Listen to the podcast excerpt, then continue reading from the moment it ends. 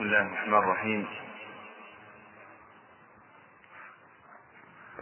بسم الله الرحمن الرحيم.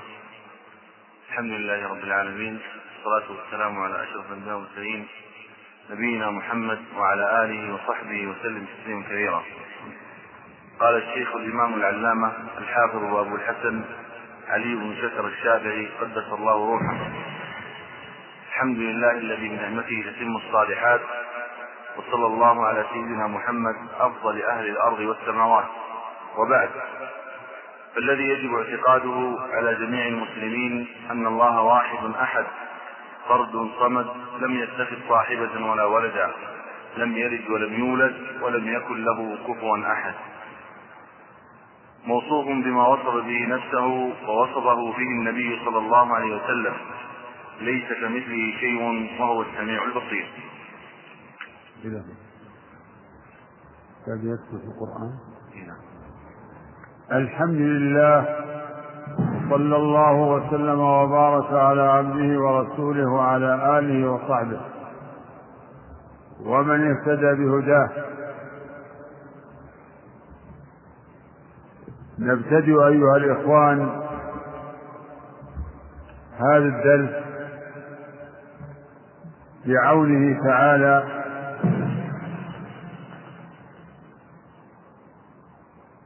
و وهو درس في العقيدة.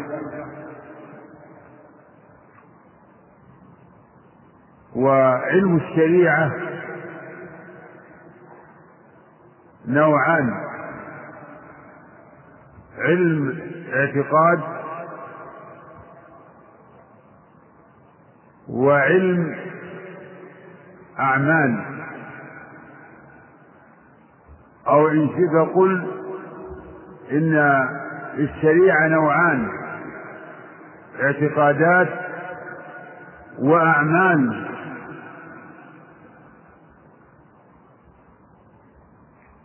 يدل لذلك قوله سبحانه وتعالى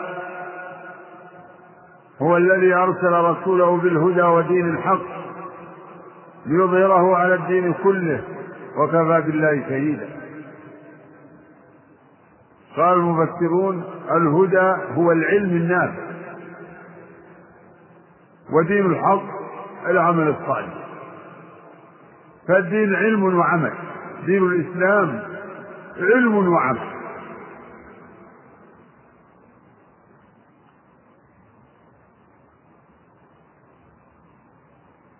وقد تضمنها هذين النوعين كتاب الله وسنة رسوله عليه الصلاة والسلام. فهما المصدر لعلم الشريعة أو علم الدين. إنما يستمد علم الشريعة من كتاب الله وسنة رسوله عليه الصلاة والسلام. وكان الصحابة رضي الله عنهم يقرؤون كتاب الله ويرون سنة رسول الله وليس عندهم تصنيف للعلوم إنما هو العلم بهذا القرآن وبحديث رسول الله صلى الله عليه وسلم والعمل بذلك.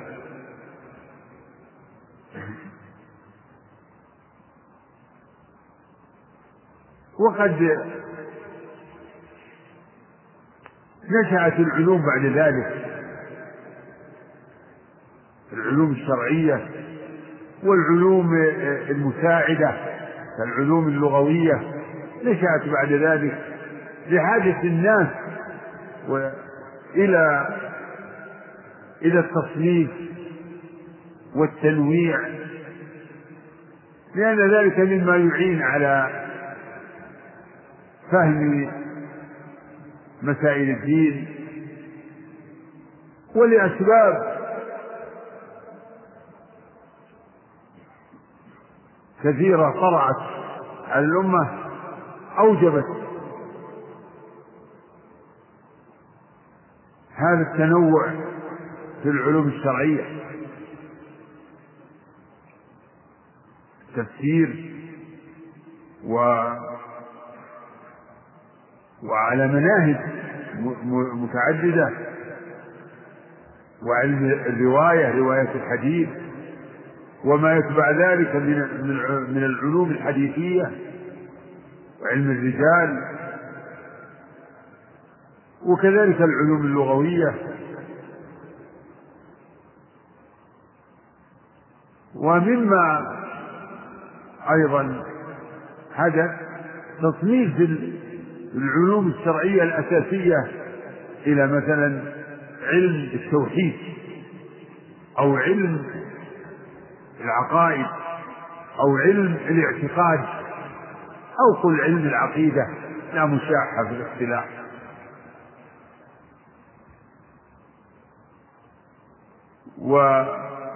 ويقابل ذلك علم الفقه المتعلق بالأعمال الظاهرة كأحكام الطهارة والصلاة والزكاة وعلى هذا درج أهل العلم في مصنفاتهم وهناك المصنفات الكثيرة في مسائل الاعتقاد. لكن مصنفات كثيرة في في الأحكام أحكام أفعال المكلفين سواء كانت يعني مصنفات حديثية أو مصنفات فقهية تذكر المسائل وتتبعها بذكر الأدلة أو التعليلات مستنبطة من الأدلة. ومن المؤلفات في مسائل الاعتقاد تعريفا مختصرا هذا المؤلف الذي بين أيديكم. المسمى بتجريد لوامع الأنوار أو مجرد مجردة لوامع الأنوار. آه، مجردة لوامع الأنوار في عقائد أهل الآثار نعرف من هذا الاسم إن هذا إن هذا مؤلف مختصر.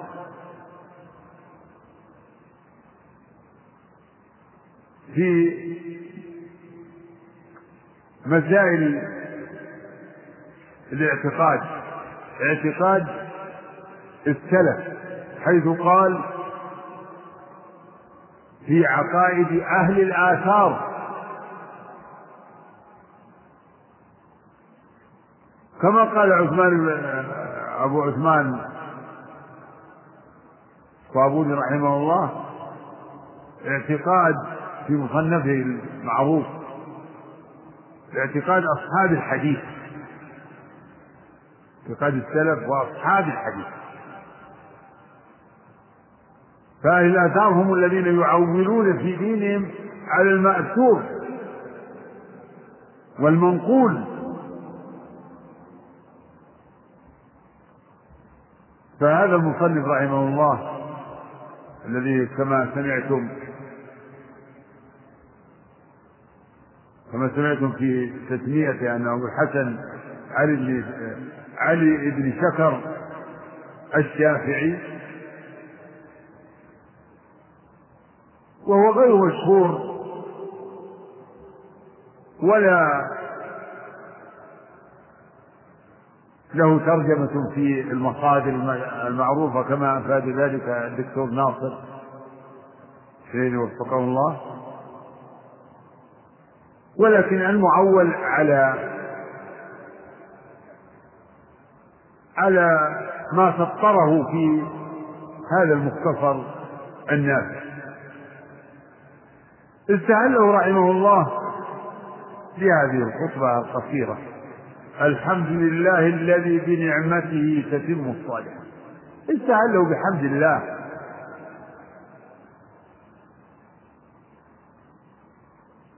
وهذا هو الذي ينبغي خلال التعليف والكلام بحمد الله والثناء عليه. كما كان هدي النبي صلى الله عليه وسلم فإنه عليه الصلاة والسلام كان يستهل, يستهل خطبه بحمد الله والثناء عليه. كما جاء في خطبة الحاجة إن الحمد لله نحمده ونستعينه ونستغفره ونتوب إليه. فحمد الله هو الثناء عليه بالمحامد وهو المستحق لجميع المحامد هو الموصوف بجميع صفات الكمال. إذا فله الحمد كله له الثناء كله. فالثناء كله والحمد كله بالمحامد إنما يستحقه الرب تعالى. فألف الحمد هو للاستغراق. يعني الثناء الثناء كله بالمحامد وصفات الجمال والكمال لله وحده.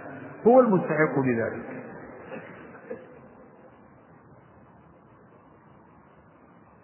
والحمد والشكر من أهل العلم من سوى بينهما ومنهم من فرق بينهما والتحقيق أن الشكر يختص بما كان موجبه النعمة والحمد أعم من ذلك. فإن الحمد يكون على النعمة وغيرها. وهو المحمود سبحانه وتعالى على كل حال.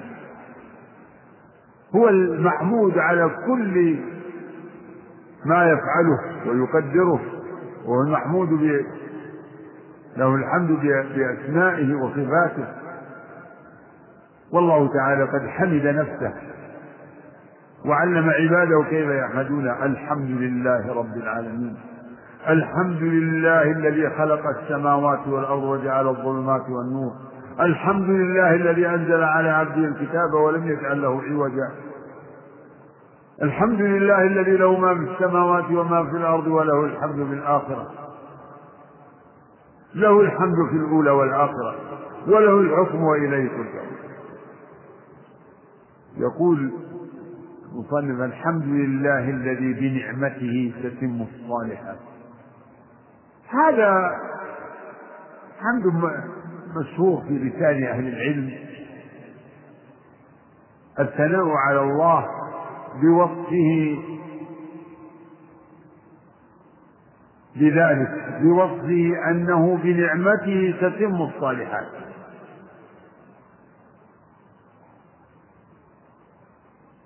و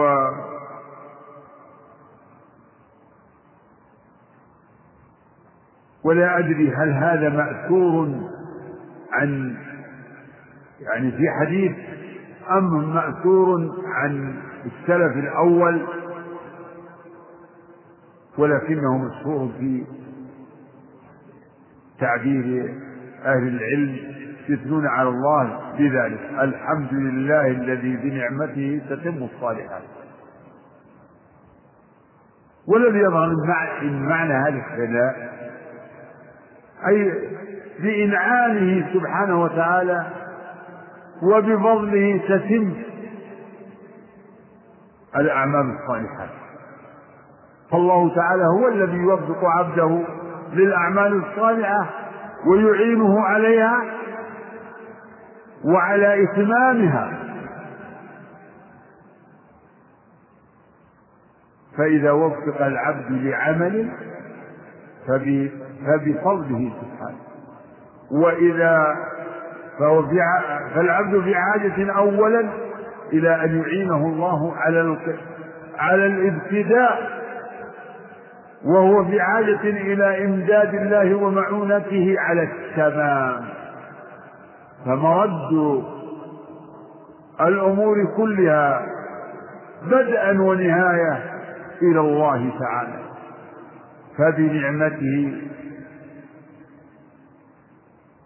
تتم الصالحات.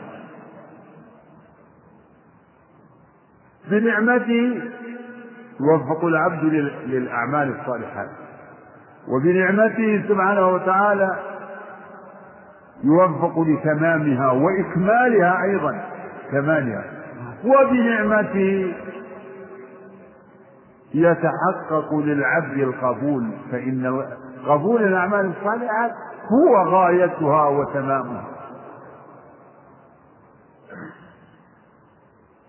قبول الأعمال الصالحة هو الغاية. فبنعمته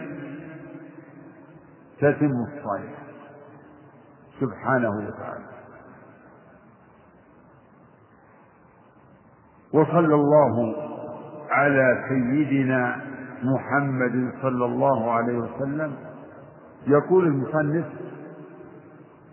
خير نعم أفضل أهل الأرض والسماوات. يعني أفضل الخلق. وصلى الله على سيدنا محمد. ولو قال على نبينا محمد لكان أولى.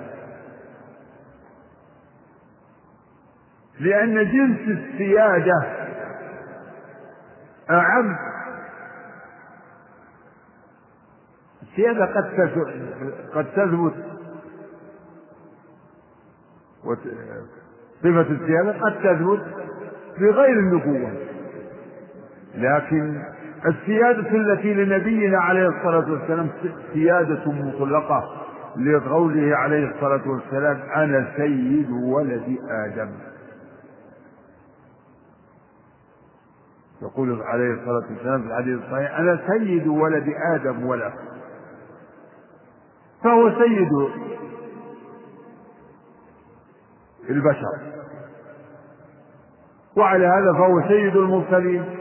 فالرسل هم أفضل الناس. وهو سيدهم على الإطلاق. وتظهر هذه السيادة يوم القيامة حين يتراد الأنبياء الشفاعة من آدم إلى نوح إلى إبراهيم إلى موسى إلى عيسى حتى ينتهي تنتهي النوبة إلى محمد صلى الله عليه وسلم. كلهم يعتذر حتى إذا جاءت نوبته عليه الصلاة والسلام يقول أنا لا فيأتي يقول فإذا رأيت ربي خررت له ساجدا. فيظهر تظهر سيادته لجميع الناس في ذلك المقام. عسى أن يبعثك ربك مقاما مقاما محمودا.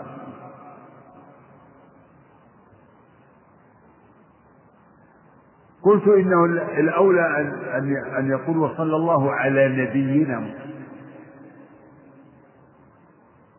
لأن النبوة تستلزم السيادة. في الجملة. وأما السيادة المطلقة فهي لنبينا عليه الصلاة والسلام. سيادة مطلقة عامة. وأما أنه أفضل أهل الأرض والسماوات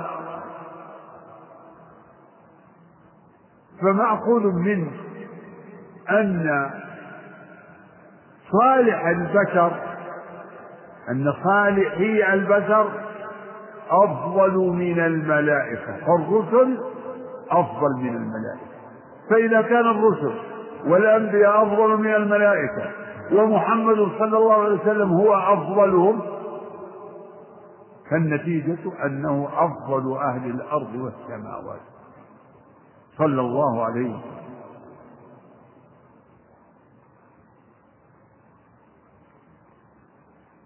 نعم يقول. نعم يقول. فالذي يجب اعتقاده. فالذي يجب اعتقاده. يقول فالذي يجب اعتقاده على كل مسلم أن الله واحد أحد فرد صمد لم يلد ولم يولد ولم يكن له كفوا. أما قوله يجب اعتقاده على كل مسلم لا شك أنه يجب اعتقاده على كل مسلم لكنها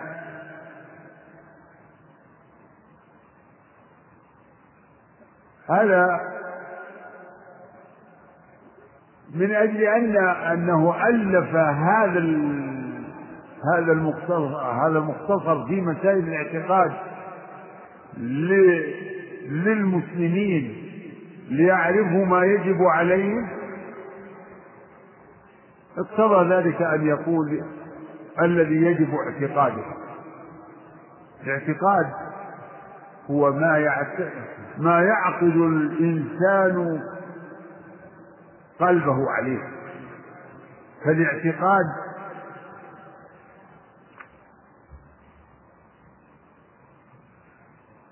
هو العلم الجازم.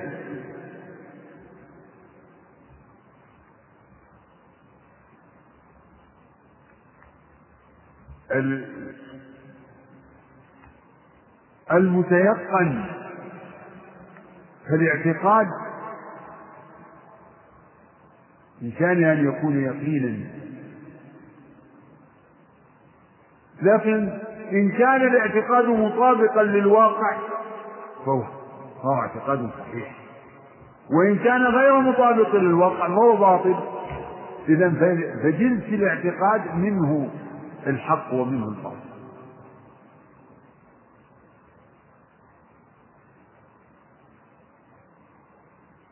فاعتقاد ما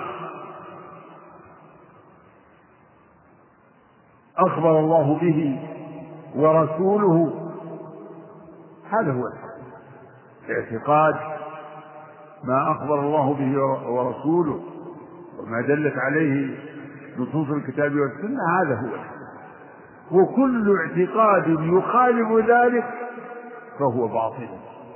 كل اعتقاد يخالف ما دل عليه كتاب الله وسنة رسوله فهو باطل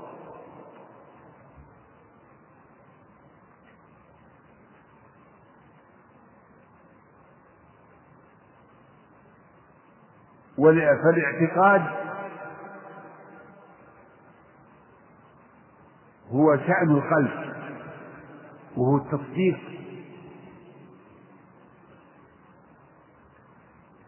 وهو تصديق.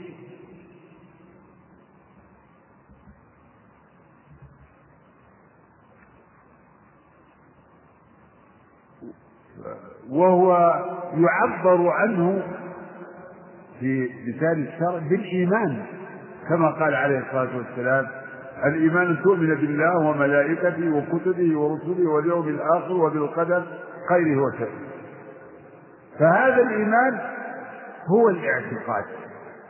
كما قال شيخ الإسلام رحمه الله في العقيدة الوسطية يقول أما بعد فهذا اعتقاد أهل السنة والجماعة. اعتقاد الفرقة الناجية المنصورة أهل السنة والجماعة وهو الإيمان. فالاعتقاد الحق هو الإيمان بالله وملائكته وكتبه.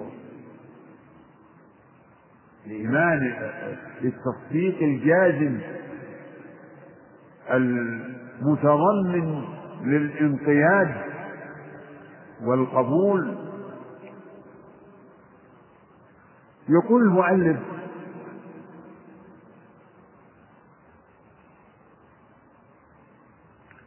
فالذي يجب اعتقاده على كل مسلم. الواقع أن اعتقاد أن الله واحد أحد هذا واجب على كل مكلف. فلو قال فالذي يجب اعتقاده على كل مكلف كان أولى. لأن الكافر أليس يجب عليه هذا الاعتقاد؟ الكافر يجب عليه أن أن يؤمن بوحدانية الله أن يؤمن بأن الله واحد أحد ويترك الشرك لكن كما ذكرت لكم لما كان هذا التأليف يعني لتعليم المسلمين ما يجب عليهم كأنه خصه بالمسلم فالذي يجب اعتقاده على كل مسلم. أن الله واحد أحد. هذان اسمان من أسماء الله وردا في القرآن. أما اسمه الواحد فجاء في مواضع مقرونا باسمه القهار الواحد القهار. وأما الأحد فلم يأتي إلا في موضع واحد وهو سورة الإخلاص. وكل من الاسمين يدل على وحدانيته وتفرده سبحانه وتعالى.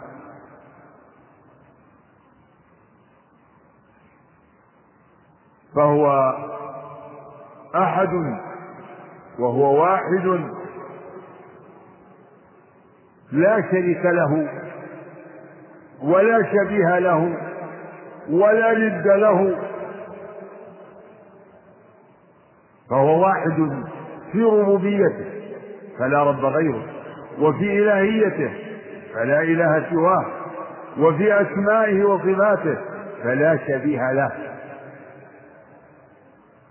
ليس كمثله شيء وهو السميع البصير. ليس كمثله. لا شيء يشبهه سبحانه وتعالى وهو السميع البصير. وهذان الاسمان يتضمنان التوحيد إذن بأنواعه الثلاث.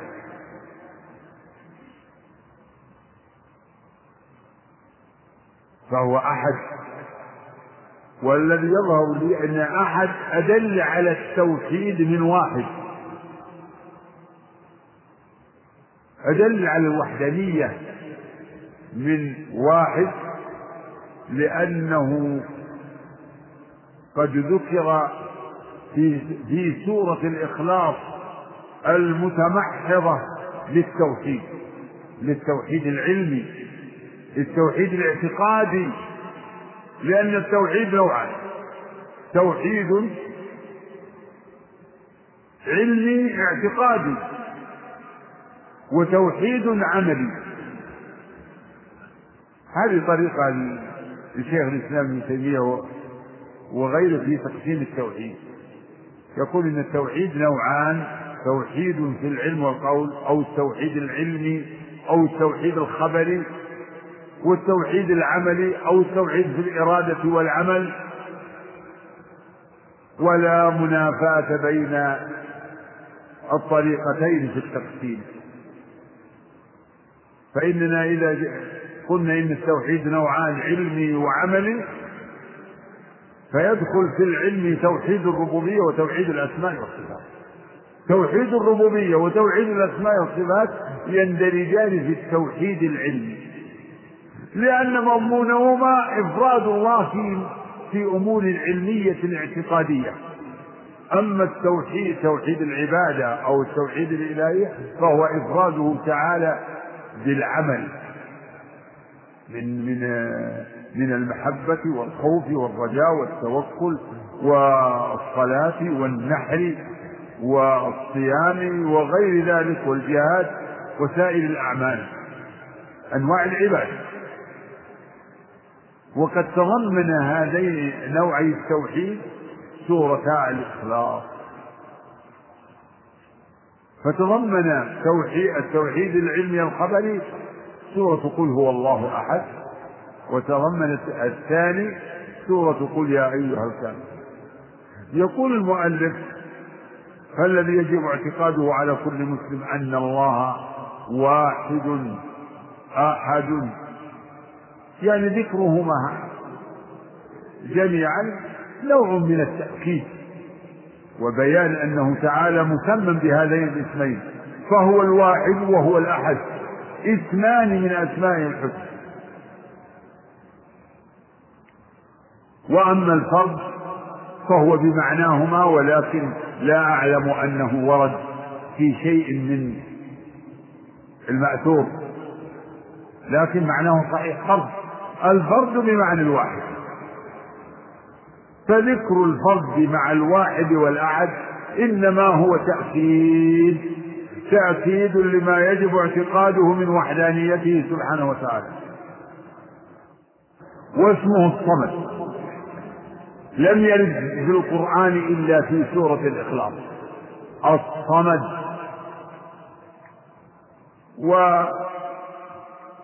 وأحسن وأجمع ما ورد في تفسير ما جاء عن ابن عباس رضي الله عنهما أنه السيد الكامل في سؤدده والحكيم الكامل في حكمته والعليم الكامل في علمه والغني الكامل في غناه.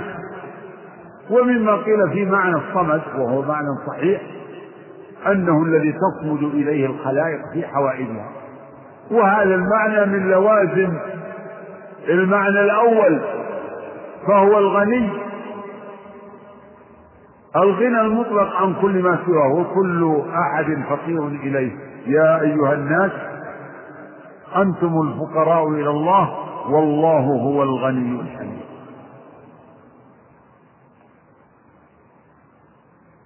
فهو الواحد الأحد. صمد الذي لم يلد ولم يولد كما وصف نفسه. لم يلد ولم يولد. هذا المعنى تضمنته سورة الإخلاص. فالآيتان الأوليان تضمنتا الإثبات. قل هو الله أحد إثبات. الله الصمد إثبات. لم يلد ولم يولد ولم يكن له كفوا أحد. في نفي الوالد والولد والكفر تأكيد لكمال أحديته وصمديته. ف... نعم. نعم. لم يلد ولم يولد تأكيد لكمال أحديته وصمديته سبحانه وتعالى. ونفي الولد عن الله جاء في مواضع كثيرة ردا على اليهود والنصارى والمشركين. وسائر من يشتمه تعالى بنسبة الولد إليه. ومن ذلك قوله سبحانه وتعالى أنى يكون له ولد ولم تكن له صاحب. وقال فيما أخبر به عن الجن في وصفهم وثنائهم على الله وأنه تعالى جد ربنا ما اتخذ صاحبة ولا ولد. ما اتخذ صاحبة ليس له صاحبة. ولا ولد. ما اتخذ صاحبة ولا ولدا. فهو المنزه عن الصاحبة والولد. وذلك لكمال أحديته وكمال غناه. لكمال أحديته وكمال غناه. والجاهلون بالله قد نسبوا إليه الولد. بل نسب إليه من نسب الصاحب وقالوا إنه تعالى كما جاء عن بعض السلف أن الله تعالى أصهر إلى ثروات الجن. يعني اتخذ له صاحبة من الجن. تعالى الله عن قولهم علوا كبيرا كما جاء في تفسير قوله تعالى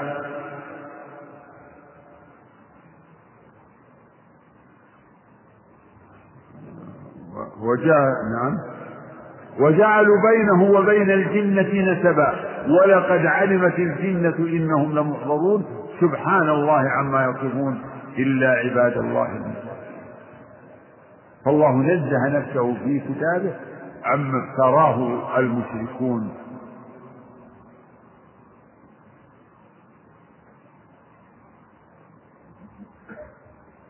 نعم اقرأ. نعم.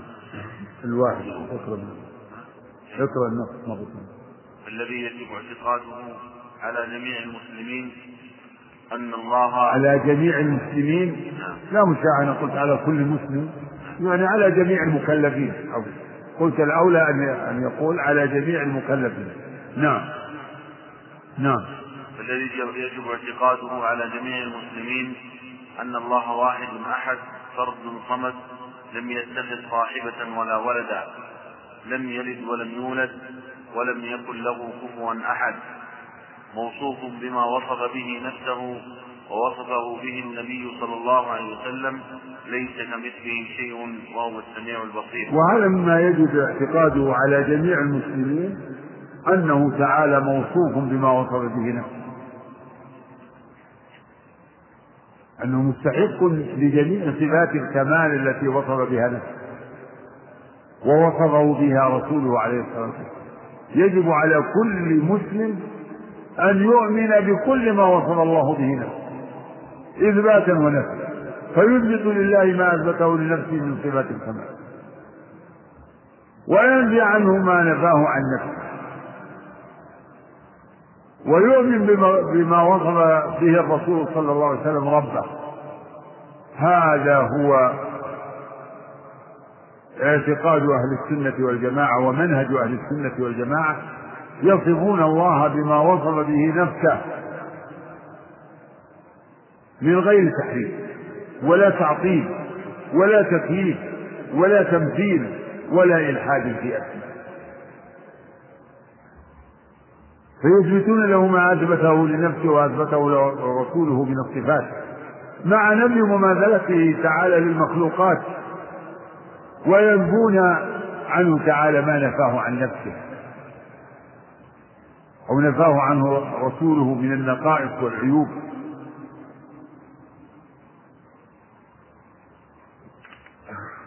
وبهذا يخالفون أعني أهل السنة يخالفون طائفتي المشبهة والمعطلة فإن مذهب أهل السنة والجماعة في هذا الباب وغيره وسط بين فرق الضلال. فهم في باب الأسماء والصفات وسط بين أهل التعطيل الجهمية وأهل التمثيل المشبهة. فمذهبهم بريء من التشبيه وبريء من التمثيل نعم. نعم بعد ويجب على كل أحد من المسلمين أن يعتقد أن الله أن القرآن العزيز المبين. ما قبل شيء؟ ما في شيء؟ ليس كمثله. قل قل العبارة ويكفي. نعم. موصوف بما وصف به نفسه ووصفه به النبي صلى الله عليه وسلم ليس كمثله شيء وهو السميع البصير.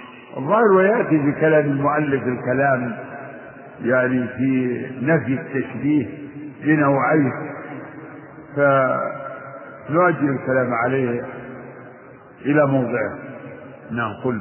ويجب على كل أحد من المسلمين أن يعتقد أن القرآن العزيز المبين الذي أنزله على عبده ورسوله محمد صلى الله عليه وسلم كلام الله على الحقيقة قديم غير مخلوق بجميع جهاته كيفما قرئ وسمع وحفظ وكتب وحيثما وجد في السماء والأرض هو قرآن واحد. نعم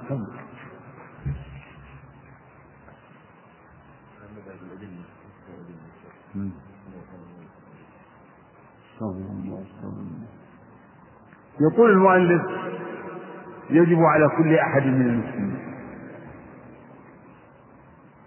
أن يؤمن ويعتقد بأن القرآن هو كلام الله على الحقيقة لا مجاز هو أن القرآن العزيز المبين القرآن وصف بصفات كثيرة في القرآن. الله بين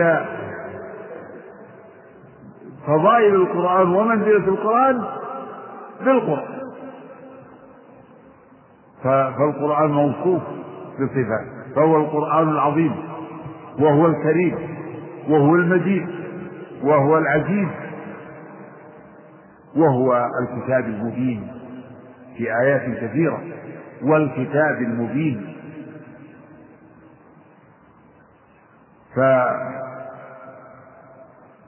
فالقرآن الذي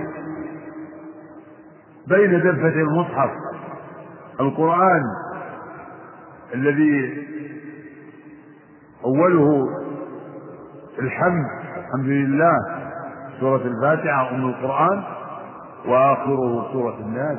هذا القرآن هو كلام الله كلامه تكلم به سبحانه وتعالى. وسمعه منه جبريل وبلغه لمحمد صلى الله عليه وسلم وبلغه محمد عليه الصلاة والسلام أصحابه وأصحابه حفظوه وتلقوه وبلغوه. وقد ضمن الله حفظ هذا القرآن. ولهذا وصل إلينا غضا طريا ولا يزال محفوظا إلى آخر الدهر حتى يرفع من المصاحف والصدور. عندما يوشك عمر هذه الدنيا و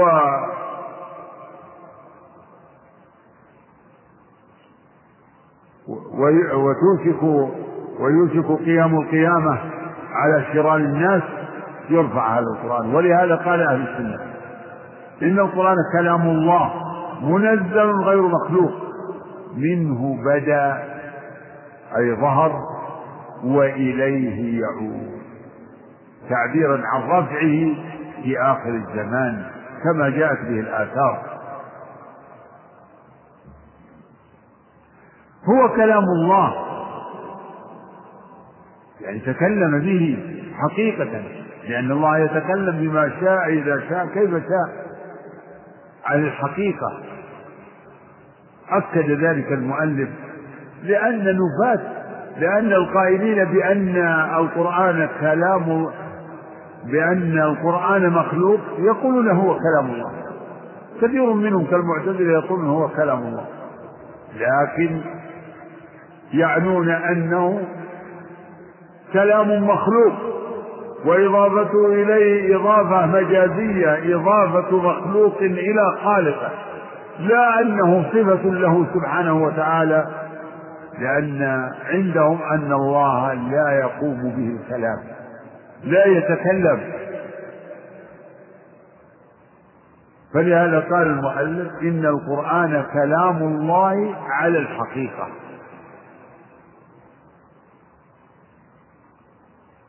إنه كلام الله على الحقيقة. وقد وقد سمى الله القرآن كلامه في غير ما آية قوله تعالى وإن أحد من المشركين استجارك فأجره حتى يسمع كلام الله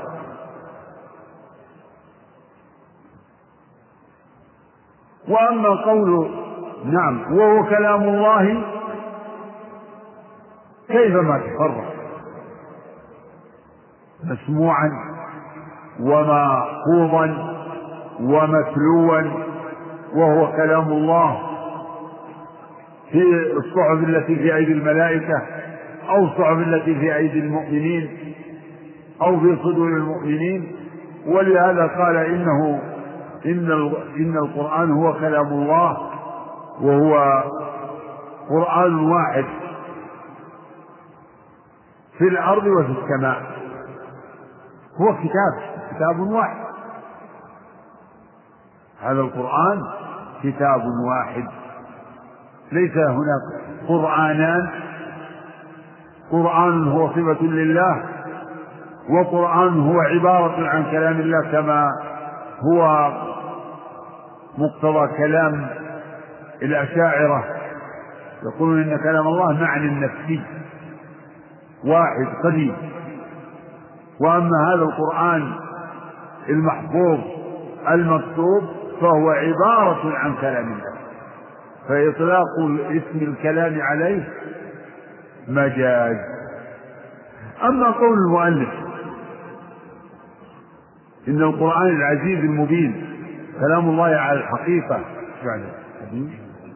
قديم وصف القرآن بأنه قديم هذا فيه نفس لأن هذا يتفق مع مذهب الأشاعرة. بقولهم إن كلام الله معنى واحد معنى النفس واحد قديم. فأهل السنة لا يقولون عن القرآن إنه قديم. لأن هذا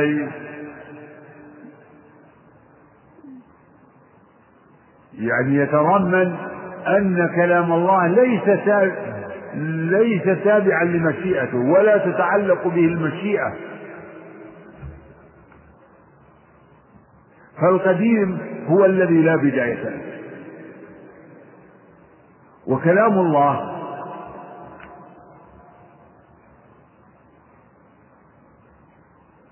تابع لمشيئته فهو تعالى يتكلم بمشيئة.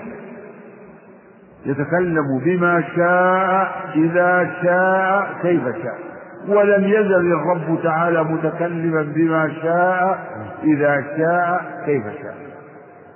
فجنس الكلام أو قل نوع الكلام قديم. صحيح. فما من كلام لله إلا وقبله كلام فالله لم يزل يتكلم بما شاء ذلك. أما الواحد أو الفرد من الكلام فلا يقال إنه قديم. تكليمه لموسى. هل هو قديم؟ تكليمه لموسى إنما كان في وقته في وقت خطاب الله لموسى. وتكليمه للأبوين إنما كان يوم نادى الأبوين وناداهما ربهما. وتكليمه للملائكة عندما قال الملائكة فإذا سويته ونفخت فيه من روحي فقعوا له ساجدين. وإذ قال ربك للملائكة إني جاعل في الأرض خليفة. إنما كان في في ذلك الوقت. فلهذا قال بعض أهل السنة إن كلام الله قديم النوع. حادث الآحاد. آحاده متجددة.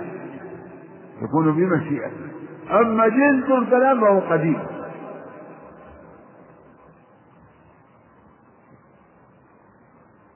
وبهذا نميز بين قول إن كلام الله قديم يعني قديم النوع لابد فقول فالقرآن لا يصح أن نقول القرآن قديم لا يصح بوجه من الوجوه. لا يصح أن نقول إن القرآن قديم.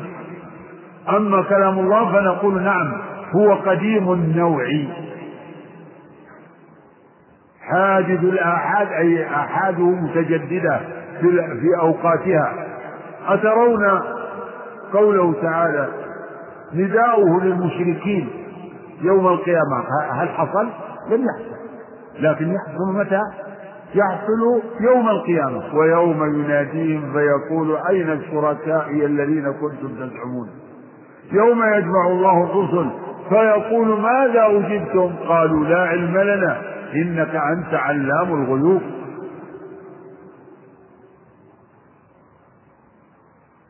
فليتنبه بهذا التفصيل في وصف القرآن أو وصف كلام الله بالقدم. ويأتي بهذا مزيد لأن المؤلف أطال الكلام في شأن القرآن وفي شأن كلام الله سبحانه وتعالى. نعم.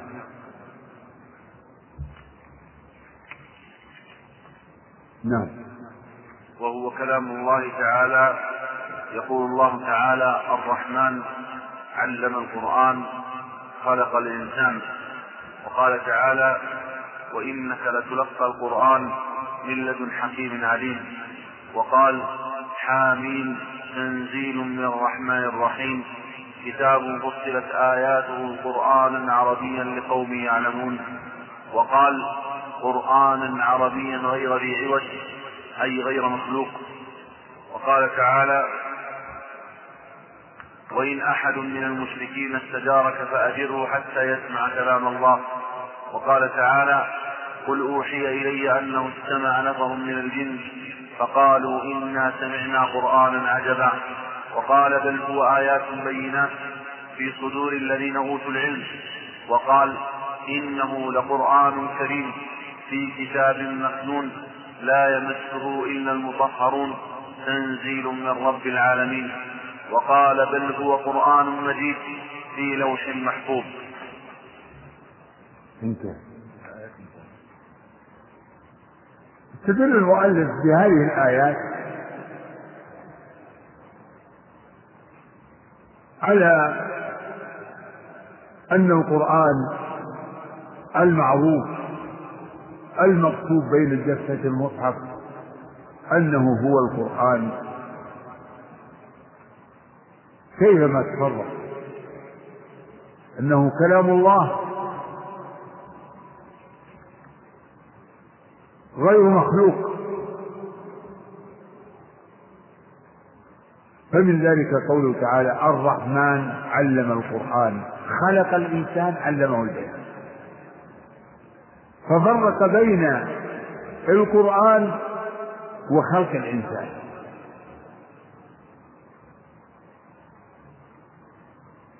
فدل في الآية على أن القرآن ليس بمخلوق. فوصل القرآن بالتعليم. علم القرآن. ثم قال خلق الإنسان. علمه البيان.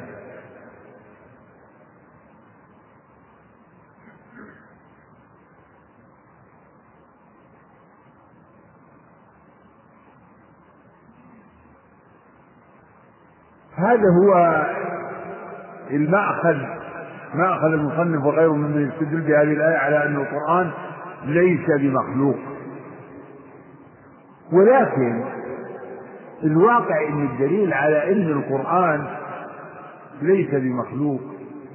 هو نفس الآيات التي فيها التصريح بأنه كلام الله كقوله تعالى وإن أحد من المشركين استجارك فأجله حتى يسمع كلام الله. يريدون أن يبدلوا كلام الله. أفتطمعون أن يؤمنوا لكم وقد كان فريق منهم يسمعون كلام الله ثم يحرفونه. والكلام إنما يضاف إلى المتكلم به المبتدئ المبتدئ له.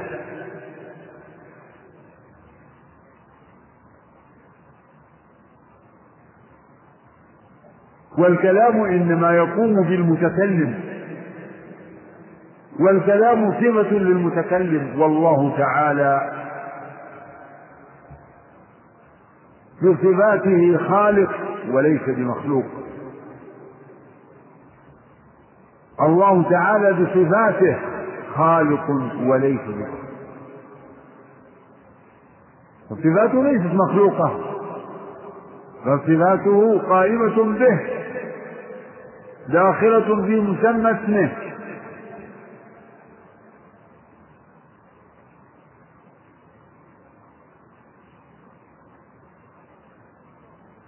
والذين قالوا بأنه مخلوق إنما قالوا ذلك بناء على ما أصلوه من الباطل وهو نبذ صفات الرب تعالى. نبذ قيام الصفات بالله ومن ذلك الكلام. يعني ومن ذلك أنه تعالى لا يقوم به الكلام. فلما أصلوا هذا الأصل فلا بد أن يقولوا إن هذا الكلام المنزل أو هذا الكلام الذي هو القرآن مخلوق خلقه الله. حيث شاء. بزعمه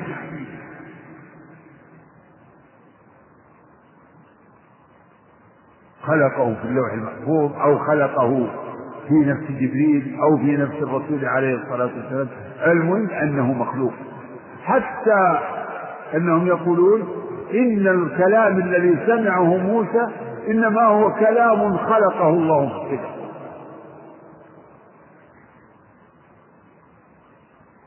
ففي هذه الآية دلالة دلالة على أن القرآن كلام الله. وكلامه صفة من صفاته. وصفاته ليس شيء منها مخلوقا.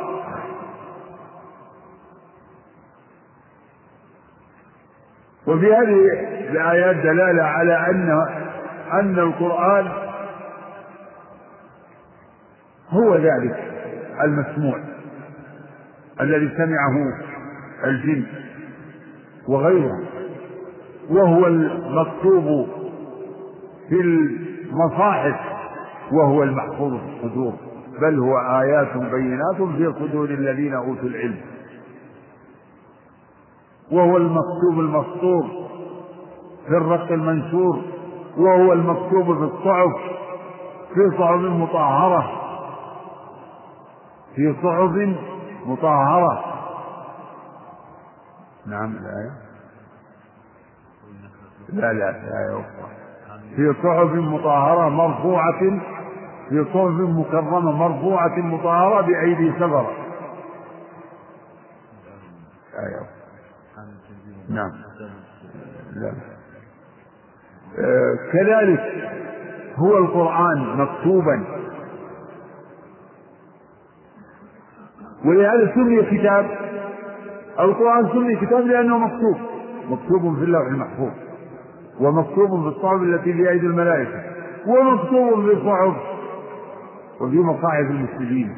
كما قال سبحانه وتعالى رسول من الله يتلو صحفا مطهرة فيها كتب قيمة.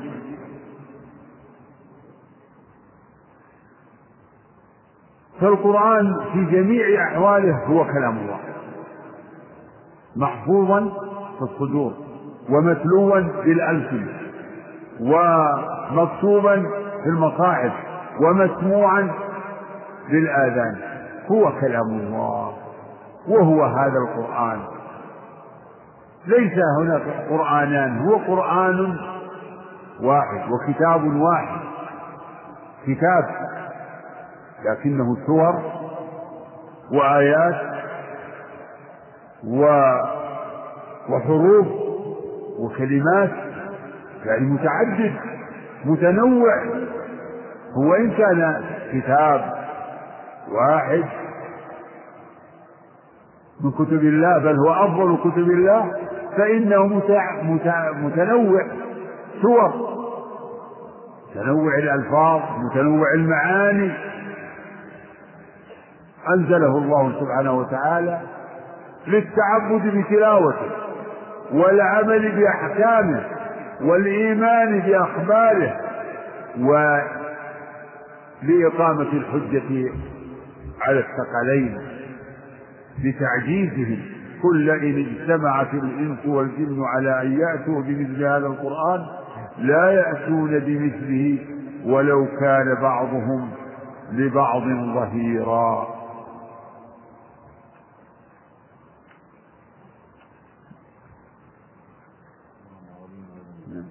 نعم. ومن ذلك قوله تعالى في وصف القرآن قرآنا عربيا. لأنه نزل بلسان عربي. نزل به الروح الأمين. على قلبك لتكون من المنذرين بلسان عربي. نزل بلغة العرب. قرآنا عربيا. وصف القرآن بالعربية لأنه بلغة العرب. نزل بلغة العرب. غير ذي عوج. قال المؤلف غير ذي عوج أي غير مخلوق. والعوج هو ضد الاستقامة هو الانحراف. الحال الاستقامة فالقرآن بريء من العوج فلا عوج في ألفاظه ولا عوج في معانيه.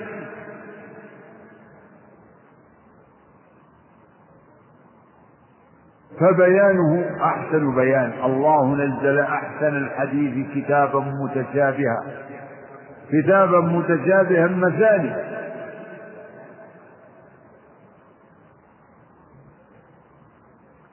ولا عوج في معانيه. فأخباره غاية في الصدق وأحكامه غاية في العدل. كما قال سبحانه وتمت كلمة ربك صدقا وعدلا. وقال سبحانه وتعالى كتاب أحكمت آياته. فوصله بالإحكام. كتاب أحكمت آياته ثم فصلت من لدن حكيم خبير. فهذه الآيات تفسر وتبين معنى العوج في قول غير ذي عوج. فأثبت الله له وصفه بالإحكام وصفه بالصدق وبالعدل وبالحسن كمال الحسن في البيان وصفه بأنه مبين. ونزهه عن الإعوجاج نزه القرآن عن الإعوجاج كما قال تعالى الحمد لله الذي أنزل على عبده الكتاب ولم يجعل له عوجا قيما. وصفه بالاستقامة التي هي ضد الاعوجاج الحمد لله الذي أنزل على عبده الكتاب ولم يجعل له عوجا. وإنما كان كذلك لأنه كلام الله. وكلام الله منزه عن الإعوجاج بكل معانيه موصوف بكمال الاستقامة بكمال الصدق في الأخبار وكمال العدل في الأحكام. وأما الكلام الذي فيه انحراف في لفظه أو معناه فهو شأن الكلام المخلوق فوصف القرآن بأنه مخلوق يستلزم الإعوجاج. قال تعالى ولو كان من عند غير الله لوجدوا فيه اختلافا كثيرا. لو كان هذا القرآن من عند غير الله لكان فيه اختلاف كثير والاختلاف والتناقض هو من أنواع بل هو من شر أنواع الإعوجاج ومن وجوه الانحراف. الاختلاف والتناقض هو من وجوه من وجوه الانحراف عن الاستقامة. فوصف الله نفسه بالصفات التي تدل على فضله وكماله. نعم كيف لا؟ وكلام وفضل كلام الله على خلقه كفضل الله على خلقه. أقصد فضل كلام الله على سائر الكلام كفضل الله على سائر الخلق.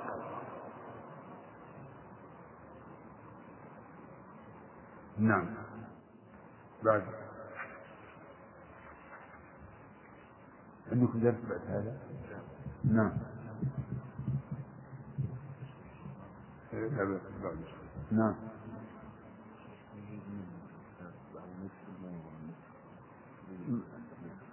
نعم. أقول تنبيه الإخوة اللي يدخلون ويريدون نسخة من الكتاب عند الباب أن يرى بعض الإخوة يتجاوز الباب ولا يأخذ نسخة من الكتاب. نعم. ومن قال بخلق القرآن فهو كافر والواقفون في القرآن كفار. ومن زعم أن القرآن لم يصل إلى الدنيا ولا وجد بها فقد جحد ما أنزل الله تعالى بقوله تعالى وقرآنا فرقناه لتقرأه على الناس على مكس وقال تعالى وأوحي إلي هذا القرآن لأنذركم به ومن بلغ. وقال ورتل القرآن ترتيلا.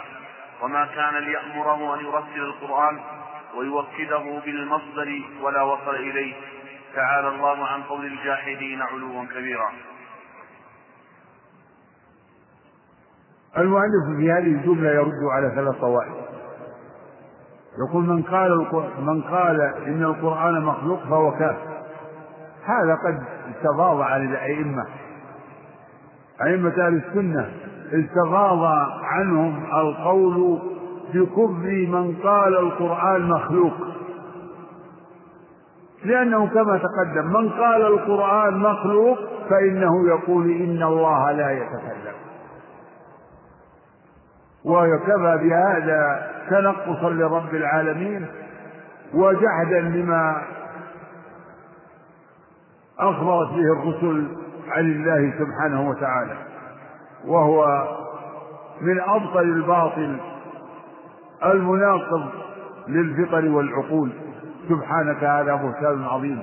الكلام كمال وضده نقص.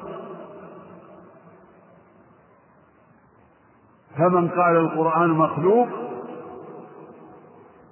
فمعنى هذا أن الله لم يتكلم به وأن الله لا يتكلم. فحق أن يكون كافرا. فلهذا قال كثير من الأئمة أطلقوا القول من قال القرآن مخلوق فهو كافر.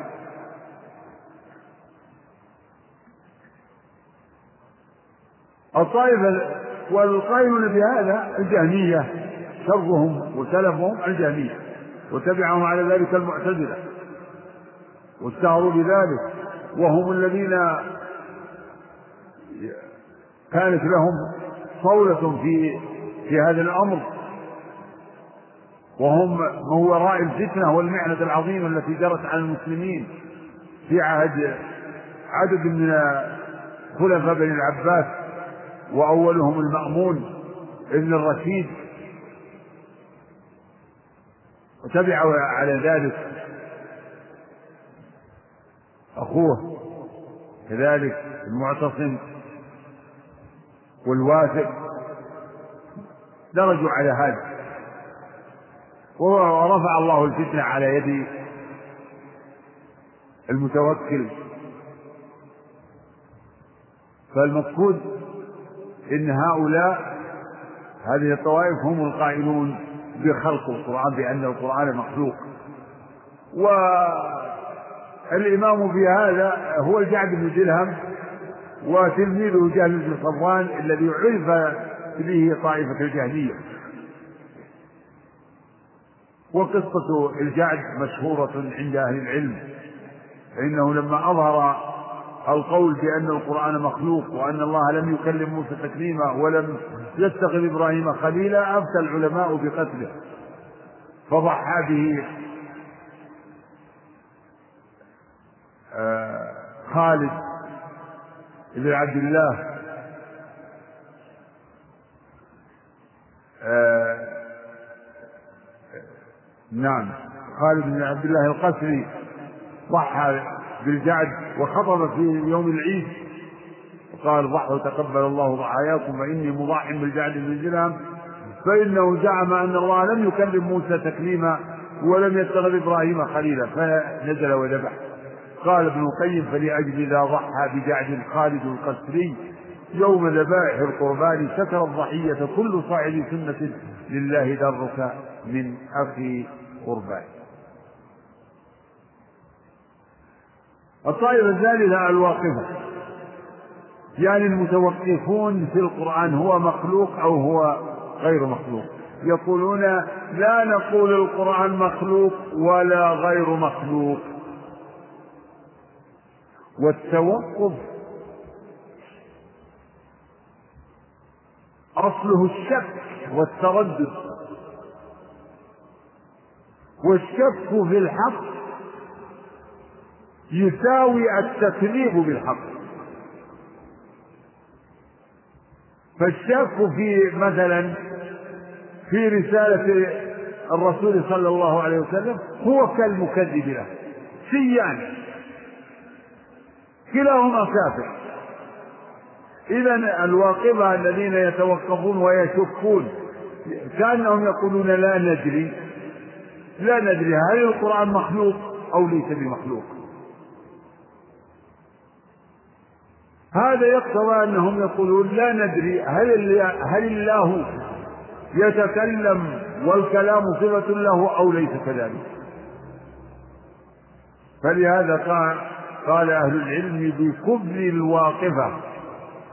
بل إن الواقفة من وجه شر من القائلين بأن القرآن مخلوق. لأن القائلين بأن القرآن مخلوق بدعتهم ظاهرة. وقبحها بين ومذهبهم صريح. أما الواقفة فهم فيلتبس أمرهم. ويتخذون بعض الجهمية يتخذ هذا يعني يتخذ الوقت والتوقف يتخذه منهجا ليدرأ به عن نفسه. الشناعة. يقول لا أقول القرآن مخلوق ولا غير مخلوق وإن كان يعتقد أنه مخلوق.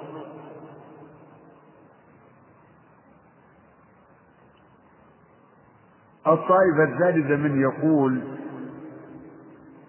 إن القرآن الذي هو صفة الله لم يأتي إلى الرسول ولم يصل إلى الرسول ولم يصل إلى العباد. والذي يظهر لي أن هذا يصدق على مذهب الأشاعرة. لأن الأشاعرة كما تقدم يقولون إن كلام الله معنى النفس ليس بحرف ولا صوت ولا يسمع منه ولا تتعلق به المشيئة فهو معنى النفس واحد قديم كما سبقت الإشارة. وعلى هذا فالقرآن الذي هو صفة الله وهو القائم به لم يصل إلينا. إذا هذا القرآن الذي عندنا هو عبارة عن كلام الله. ليس كلام الله. وليس هو القرآن على الحقيقة. وتسميته كلام الله أو تسميته القرآن إنما ذلك مجاز. فالذي يظهر ان المؤلف يرد على تلك الطائفة وينكر على هذه الطائفة ويستدل على بطلان قولهم بأن القرآن لم يصل إلينا بتلكم الآيات. وأوحي إلي هذا القرآن. أوحي إلي. إذا هذا يدل على أنه وصل إليه وبلغه وأعلم به. وأوحي إلي هذا القرآن لأنذركم به ومن بلغ. وقال سبحانه وتعالى وقرآنا فرقناه. فرقناه. يعني فصلناه. وأنزلناه شيئا بعد شيء لتقرأه على الناس على مكث لتقرأه على الناس. إذا وصل إلى الرسول ثم وصل إلى الناس بواسطة الرسول عليه الصلاة والسلام. وقرآنا فرقناه لتقرأه على الناس على مكث ونزلناه تنزيلا. وكذلك الآيات المتقدمة قل أوحي إلي أنه استمع نفر من الجن فقالوا إنا سمعنا قرآنا عجبا. القرآن إذا الجن سمعوا القرآن. وإن صرفنا إليك نظرا من الجن يستمعون القرآن. إذا القرآن إذا ما سمعه الجن. وما أوحي إلى الرسول. وما وما بلغه الرسول. كل ذلك هو القرآن. هو القرآن الذي هو كلام الله. فهذه ثلاث طوائف. يشير المؤلف إلى الرد عليه. من قال القرآن مخلوق ومن قال بالوقت وقال لا أقول مخلوق ولا غير مخلوق ومن قال إن إن القرآن هو قائم بالله ولم يصل إلينا إلا ما هو عبارة أو حكاية عنه. وهذه كلها مذاهب باطلة. مردودة بالسمع والعقل. اقرأ الآية الأخيرة بعد الواقع. الآية قال تعالى وأوحي إلي هذا القرآن لأنذركم به ومن بلغ. نعم. وقال ورتل القرآن ترتيلا. ورتل القرآن. هذا القرآن الذي أنزل عليك؟ يعني اتلوه بعناء على مكث كما في الآية الأخرى نعم. وما كان ليأمره أن يرتل القرآن ويوكده بالمصدر ولا وصل إليه. تعالى الله عن قول الجاحدين علوا كبيرا. يؤكده بالمصدر بقول ترتيلا. ورتل القرآن ترتيلا. كيف يرتل ما ما لم يصل إليه؟ سمى الله ذلك الكلام الذي أمر النبي صلى الله عليه وسلم بتلاوته وترتيبه مؤكدا ذلك بقوله ورتل القرآن ترتيلا؟ سماه القرآن إذا إذا هذا هو القرآن. هذا هو كلام الله. نعم. بعد. ويجب أن نعتقد أن الله تعالى كلم موسى تكليما شوف.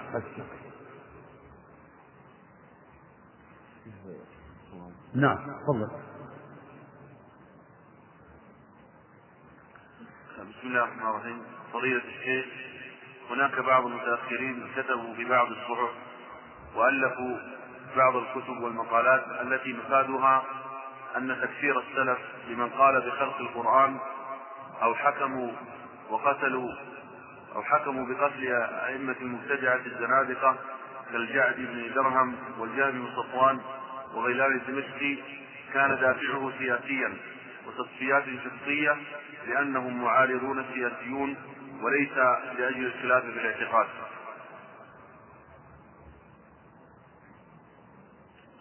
هذا إنما يقوله ورثة أولئك المبتدعة.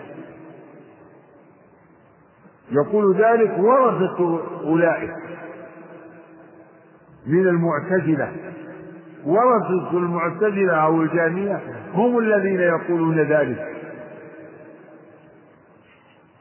وإذا فهم خصوم.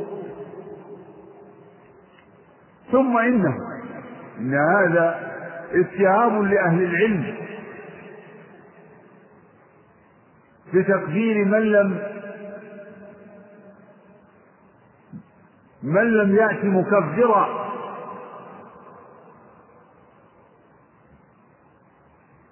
وإذا صح هذا الاتهام لبعض السياسيين. فإنه لا يصح في حق أئمة الدين المعروفين. فهب أن خالد القسري و أو هشام بن عبد الملك أو غيرهما ممن قتل بعض الزنادقة. هب أنه قتله سياسة. فهذا لا يعنينا. الذي يعنينا قبل كل شيء أن أهل العلم أقروا قتله. الجهاد في سبيل الله. قتال الكفار. قد يكون الباعث لبعض الأئمة أو الولاة قد يكون الباعث له يعني أمرا سياسيا.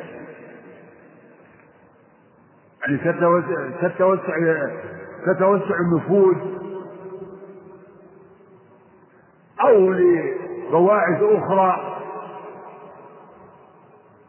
انتقام من من خصم.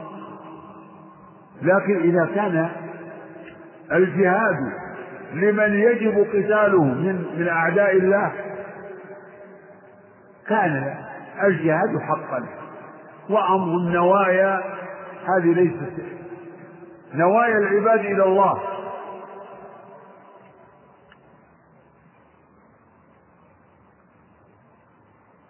وأما أما الأئمة في تكفيرهم لمن قال القرآن مخلوق وحكمهم بقتل من أصر على ذلك ودعا إليه فهم براء من هذه التهمة لما هو معروف من حالهم من الإيمان والتقوى والعلم وبيان الحق. وأما نفس الخلفاء فإنهم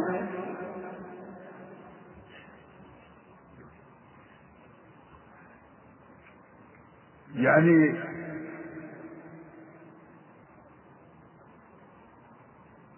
قد تكون له أغراض سياسية قد تكون. ولكن هذا لا يجوز الجزم به لأنه مسلمون ولا يمتنع حتى على ال... على الوالي وإن كان موصوفا بظلم أو موصوفا بفجور لا يمتنع أن يقوم بعمل صالح عمل جهادي لأنه مسلم. فاتهامه بغير برهان هو من سوء الظن الذي نهى الله عنه. وأرجو في أن في هذا يعني بيان وكشف لهذه الشبهة. أولا إن المتكلمين بذلك هم من الخصوم فلا عبرة بدعاويهم الثاني أنه اتهام لأئمة الهدى المعروفين بالصلاح والتقى. وهذا نعلم يقينا بكذبهم وافترائهم عليه وأما اتهامهم للولاة فهو من سوء الظن الذي لا دليل لا دليل لهم عليه. فالأئمة نجزم ببراءتهم وأما الولاة فنقول يجوز عليهم أن تكون لهم أغراض ولكن ما المانع أن تكون لهم نية صالحة وفقهم الله لها. نعم. هذا السائل يسأل يقول القرآن يقول عنه المؤلف قديم وذكرتم أن قول الله لموسى كان في وقته لكن ألا نقول إن القرآن قديم باعتبار أنه في اللوح المحفوظ؟ قلت لكم إن القديم معناه الذي لا بداية له. ولو كان آه، ما كان في اللوح المحفوظ يصدق أن نقول إنه قديم فنقول كل شيء إذا هو قديم. لا ال- ال- الذي في اللوح المحفوظ إنما هو كتابته. كتابته كان في اللوح المحفوظ. ولا نقول إن ما في اللوح المحفوظ هو قديم لأن كلمة قديم نفس اللوح مخلوق. اللوح المحفوظ مخلوق والقلم مخلوق والعرش مخلوق. فكيف تقول إن ما, إن ما, يكون في اللوح المحفوظ يكون قديما؟ ومنشأ هذا السؤال هو تصور إن القديم هو يعني ما مضى عليه زمن طويل. لا القديم في هذا العرف في هذا المقام هو الذي لا بداية له. لا بداية له. فخطاب فخطاب الله تعالى بموسى كان في وقته ونداؤه للأبوين كان في وقته كما تقدم التنبيه على ذلك. وليس شيء من المخلوقات ليس شيء في الوجود قديم إلا الله تعالى. الله تعالى هو الأول الذي ليس قبله شيء. نعم. ذكرتم حفظكم الله أن القرآن لا يصح أن نقول عنه إنه قديم في حال من الأحوال. نعم. وذكرتم أن كلام الله يصح أن نقول عنه أنه قديم النوع حاجز الآحاد. نعم. فكيف يكون ذلك؟ ما أدري. فرق. لأن. هل القرآن هو كل كلام الله؟ القرآن هو من كلام الله. وإذا قلنا القرآن كلام الله يعني أنه أن الله تكلم به. لا أن القرآن هو كل كلام الله. فهناك القرآن وقبله التوراة والإنجيل والزبور وغير ذلك من كتب الله التي تكلم بها. وأعتقد اننا اني أوضحت معنى إنه قديم النوع حادث الآحاد. يعني إذا قلنا إن كلام ما قلنا إن القرآن قديم النوع حادث الآحاد. أقول كلام الله قديم النوع حادث الآحاد. فالقرآن هو من آحاد كلام الله والتوراة من آحاد كلام الله والإنجيل من آحاد كلام الله والزبور هو من آحاد كلام الله وخطابه تعالى لمن شاء من العباد هكذا. والله تعالى كلامه لا ينفد كما قال تعالى قل لو كان البحر مدادا لكلمات ربي لنفد البحر قبل أن ينفد كلمات قبل أن أن ينفد كلمات ربي ولو جئنا بمثله مددا. قبل أن تنفد الآية. أن تنفد كلمات ربي ولو جئنا بمثله مددا. نعم. في أسئلة؟ نعم فضيلة الشيخ يقول قال الله تعالى إنا جعلناه قرآنا عربيا. ويقول وجعل الأرض قرارا. وجعلنا الليل لباسا فكيف نفرق بين الجعل في الآيات؟ عند أهل العلم جعل تأتي بمعنى خلق وهذه هي المتعلقة بجعل الأرض والسماء وال... وجعل... الظلمات والنور وتأتي جعل بمعنى صير لا بمعنى خلق. وهذه من شبهات المعتزلة في قولهم إن القرآن مخلوق. قالوا إن الله تعالى يقول إنا جعلناه قرآنا عربيا. وجعل بعضهم يطلق القول بأن جعل جعل بمعنى أنزل. أنزل. إنا جعلناه قرآنا عربيا يعني أنزلناه كما جاء في في مطلع سورة يوسف. هكذا. إنا أنزلناه قرآنا عربيا لعلكم تعقلون. وفي الزغرف قال إنا جعلناه قرآنا عربيا. ومنهم من يقول جعل بمعنى صير. الله تعالى جعل القرآن الذي أنزله على محمد جعله بلسان عربي. نعم. يقول ذكرتم كفر من قال القرآن مخلوق. فهل هذا الحكم يجري على الأشاعرة؟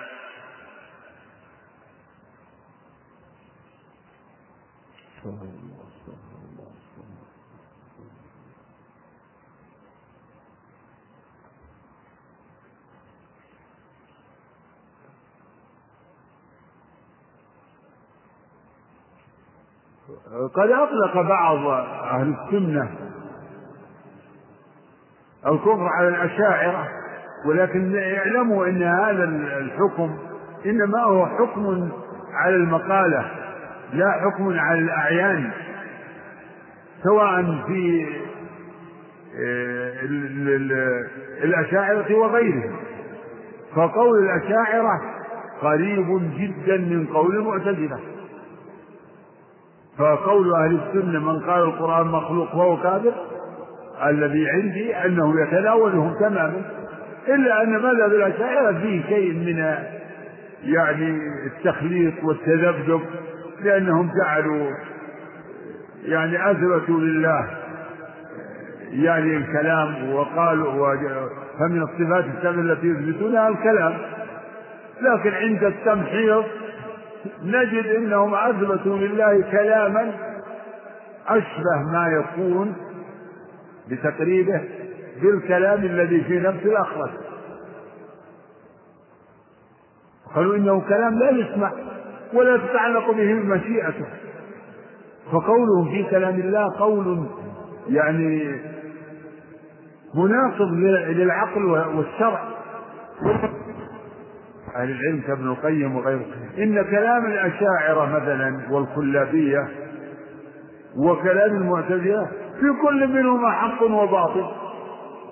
فقوله منا كلام الله قائم به. هذا حق. وأنه صفة له هذا حق وقولهم إنه ليس بحرف ولا صوت ولا تتعلق به المشيئة وأنه قديم. نعم هذا باطل. بسم الله الرحمن الرحيم. الحمد لله رب العالمين والصلاة والسلام على أشرف الأنبياء والمرسلين نبينا محمد وعلى آله وصحبه وسلم تسليما كثيرا. أما بعد قال المؤلف رحمه الله تعالى ويجب أن نعتقد أن الله تعالى كلم موسى تكليما بكلام قديم مسموع مفهوم من ذات الله تعالى بلا واسطة بينهما وكذلك كل من خاطبه ممن أخبر عنه. وكذلك. وكذلك كل من أخبر عنه ممن نعم. نعم. وكذلك كل من أخبر ممن كل من خاطبه ممن أخبر عنه.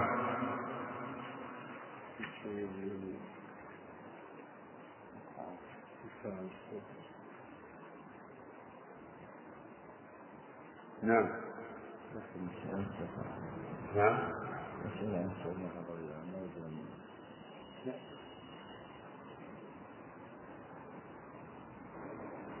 ودي نعم. نعم إذا تكلمت ويجب ويجب أن نعتقد أن أن لله الأسماء الحسنى. نأخذها الفقرة هذه. الحمد لله وصلى الله وسلم وبارك على عبده ورسوله وعلى آله وصحبه. ومن اهتدى بهداه.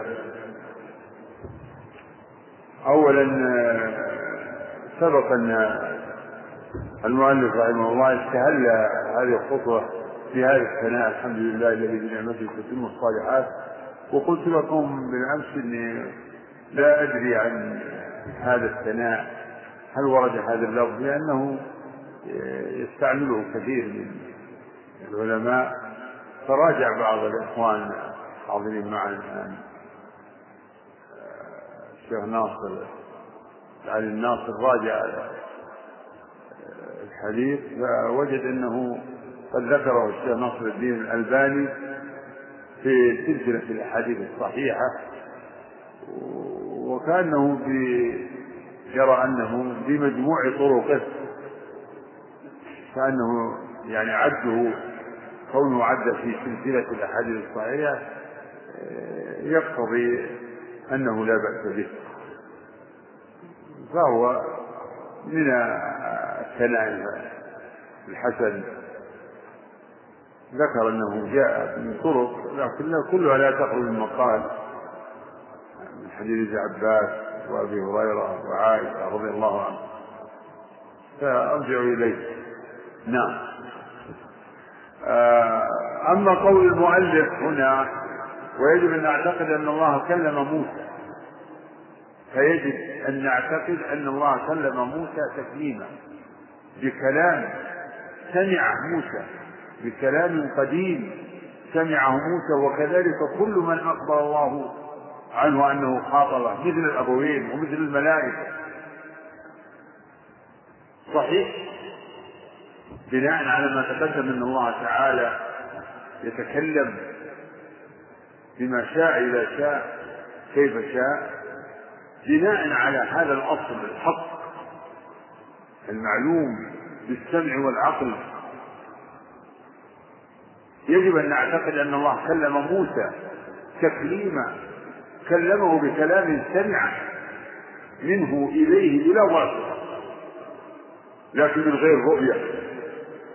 قال سبحانه وتعالى وما كان لبشر أن يكلمه الله إلا وحيا أو من وراء حجاب.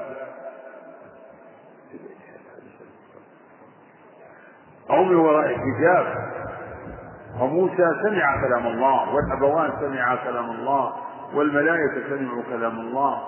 كل من أخبر الله بأنه كلمه فإنه يكلمه بكلام يسمعه من الله منه إليه.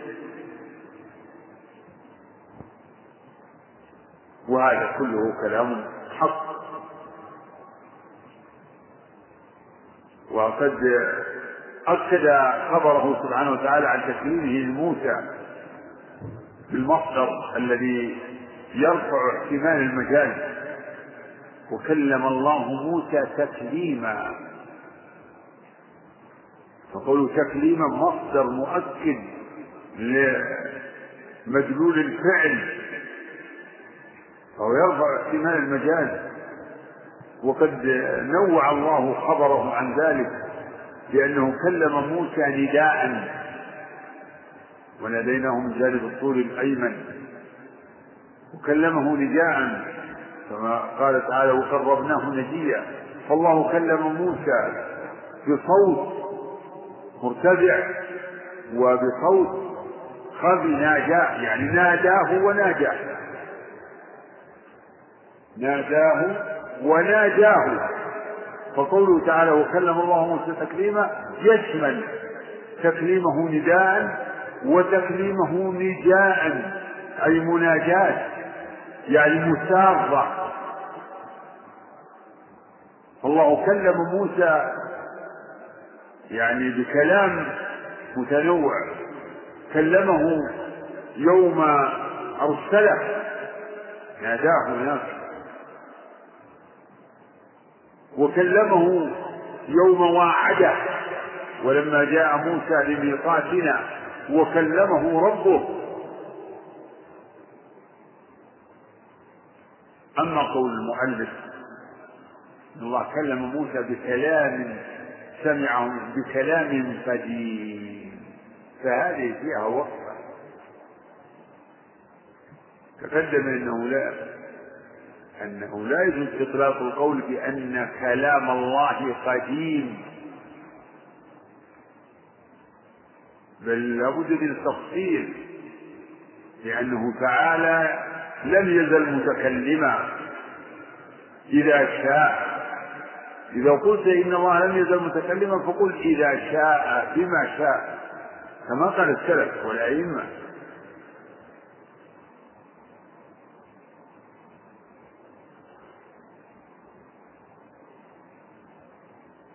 لابد من التفصيل. أما إذا قلنا إن الله كلم موسى فلا يجوز أن نقول إن الله كلمه بكلام قديم.